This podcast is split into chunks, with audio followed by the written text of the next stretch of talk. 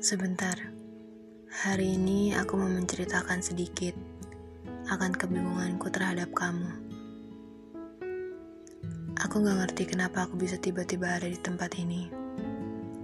Seperti tempat pemberhentian, semacam stasiun atau bandara. Dalam ruangan ini ada banyak orang berlalu lalang.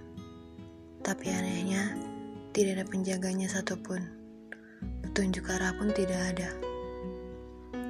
Aku terus berputar mencari jalan keluar, tapi nihil. Aku tidak menemukannya.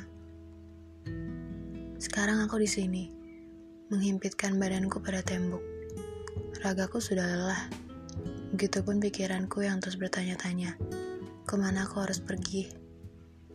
Dan aku baru paham, tempat ini bernama kamu. Kamu menjebak aku dalam sebuah ruangan yang bernama perasaan. Dan liciknya, kamu tidak menaruh penjaga di sana, dan tidak juga memberi papan petunjuk, seakan tidak mengizinkan aku untuk keluar dari perasaan ini. Atau mungkin, kau memang sengaja membuat ruangan perasaan ini tanpa ada jalan keluar.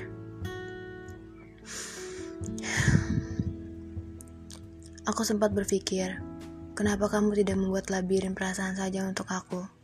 Malah membuat ruangan seperti tempat pemberhentian ini yang ramai.